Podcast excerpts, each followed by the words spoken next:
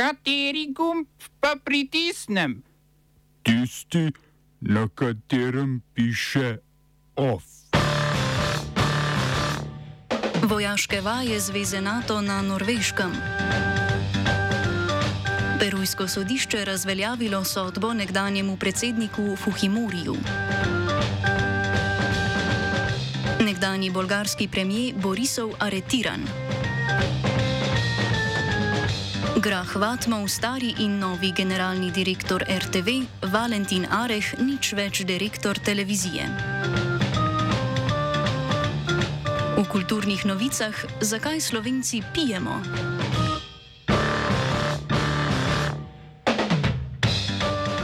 Ponovno začenjamo v Ukrajini, kjer Rusi začenjajo z intenzivnejšim bombardiranjem zahoda države.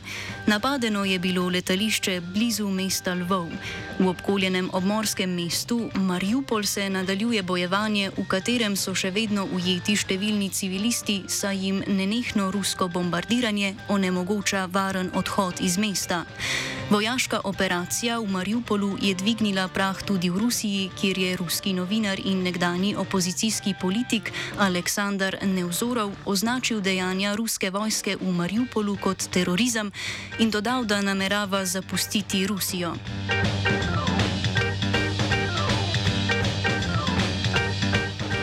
Vojske držav Zveze NATO so medtem začele vojaške vaje na Norveškem. Vaje, poimenovane Hladni odziv 2022, potekajo na arktičnem severu in so največje vojaške vaje v tej ruski sosedi od konca hladne vojne.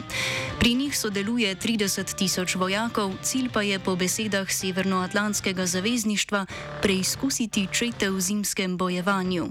Norveška vlada se je odločila tudi nameniti dodatnih 300 240 milijonov evrov vojaškemu proračunu za varovanje slabih 200 km dolge, rusk, dolge rusko-norveške meje.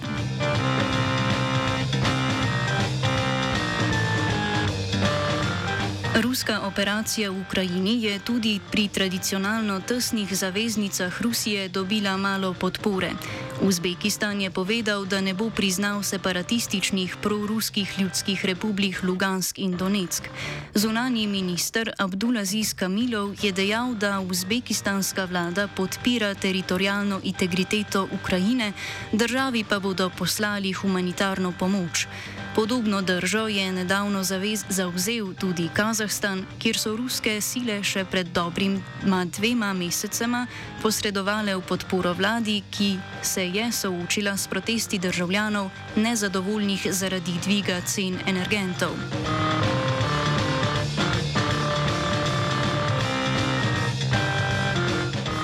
Perujsko ustavno sodišče je izpustilo na svobodo nekdanjega predsednika Alberta Fujimorija, medtem ko je služil zaporno kazen zaradi kršitev človekovih pravic. Fujimori je pogosto s trdo roko vladal v Peruju v 90-ih letih. Leta 2009 je bil obsojen na 25-letno zaporno kazen zaradi naročila umorov, korupcije in volilne goljufije.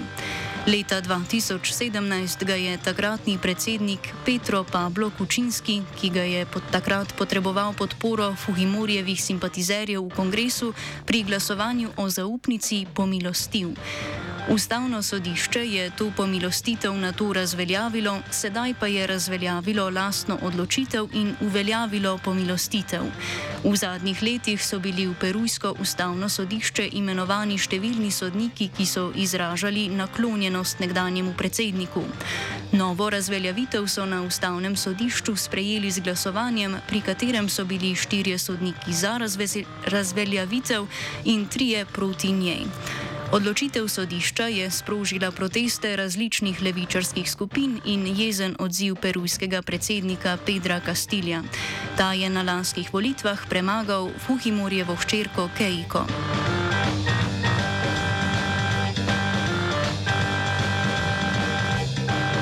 Medtem ko en nekdani državni voditelj odhaja iz zapora, gre drugi van.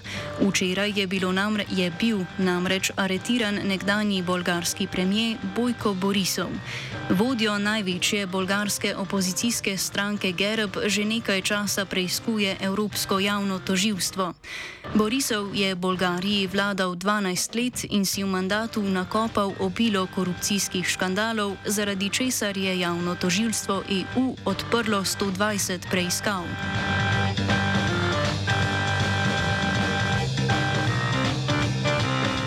V Pakistanu so številni poslanci vladajoče stranke Pakistansko gibanje za pravosodje dezertirali in s tem verjetno povzročili padec vlade.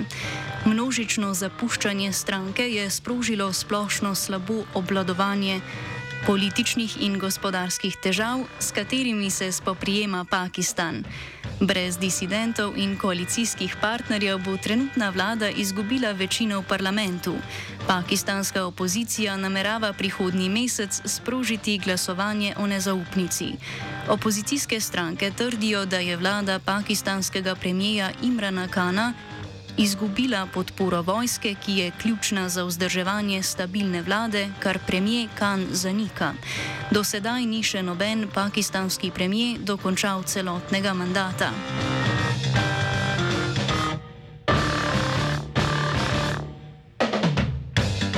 Najbolj znana britanska družba za ladijske prevoze P&O Ferries je 800 svojih mornarjev obvestila, da so odpuščeni in jih bodo zamenjali s cenejšimi agencijskimi delavci. Sindikat je mornarje pozval naj protestno zasedejo ladje, na katerih so služili, a so vse, ki so upoštevali to navodilo, varnostniki odstranili z ladij. Zaradi poteze P&O Ferries bodo v naslednjih desetih dneh mutene trajektorije trajektne povezave čez Rokavski preliv. Način, kako so bili zaposleni odpuščeni, je obsodila tudi britanska vlada, ki prav tako ni bila obveščena o odločitvi podjetja. To bi lahko bil vzrok za tožbo, saj mora podjetje, če odpusti več kot 100 ljudi, o tem vnaprej obvestiti Ministrstvo za delo, kar pa se ni zgodilo. Družba PNO Ferris je sicer v lasti Dunajskega državnega sklada, ki poseduje tudi več pristaniških terminalov v Združenem kraljestvu. Oba, če, če bom odgovoril na angliški. Slovenija bo poskušala pomagati. Slovenija bo naredila naš utmost, da bo rekla, da je situacija naš problem, ourselves. In da bomo naredili nadaljnje korake, as soon as the conditions are. Bomo vlado Marjana Cererja, Marjana Cererja Šarca podprli. Zelo, zelo resno. Slovenija. We know how and we will. Za generalnega direktorja RTV Slovenija je bil spet imenovan Andrej Grah Vatmov. Na ponovnem razpisu za mesto generalnega direktorja, ki ga je 28. februarja objavil programski svet, je bil Vatmov edini kandidat s popolno prijavo. Pogoji za kandidaturo so bili spremenjeni tako, da kandidat ne potrebuje več najmanj treh let izkušenj z vodenjem večjih organizacijskih sistemov, temveč naj ima po novem samo neopredeljeno količino izkušenj. Z nastopom novega mandata postane tožba nekdanjega direktorja Igorja Kadunca, ki se sklicuje na pomankljive kompetence Vatmova za to funkcijo, brezpredmetna.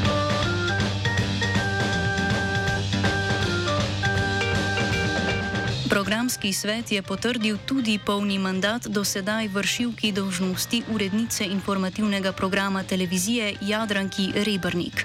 Presenečenje pa se je zgodilo pri razpisu za direktorja televizije, na katerem je bila edina prijava nepopolna. Na razpis se ni prijavil dosedanji vršilec dolžnosti Valentin Areh, ki je povedal, da je zaradi kritik na svoj račun želel dati priložnost komu drugemu. Položaj bo sedaj začasno ponovno zasedel generalni direktor Grah Vatmov, razpis pa bo ponovljen.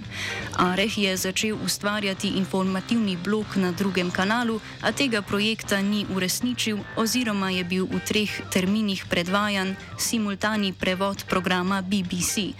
Se je pa Areh v poslovilu z mesta vodje televizije pohvalil z visoko gledanostjo, predvsem tistih oddaj, ki jih je sam ukinjal. Prvič po 20 letih nam je uspelo zaustaviti konstantno konstanten padec gledanosti elitnih oddaj, dnevnik in odmevi. Gledanost dnevnika je v navedenem obdobju dosegla 22 odstotni delež gledalcev, enako kot leta 2021. Še boljši so bili ustvarjalci pri drugih oddajah. Gledanost oddaje Odmevi, Tednik in Studio City se je zvišala iz 16 na 17 odstotni delež, gledanost tarče pa kar iz 16 odstotnega na 22 odstotni delež.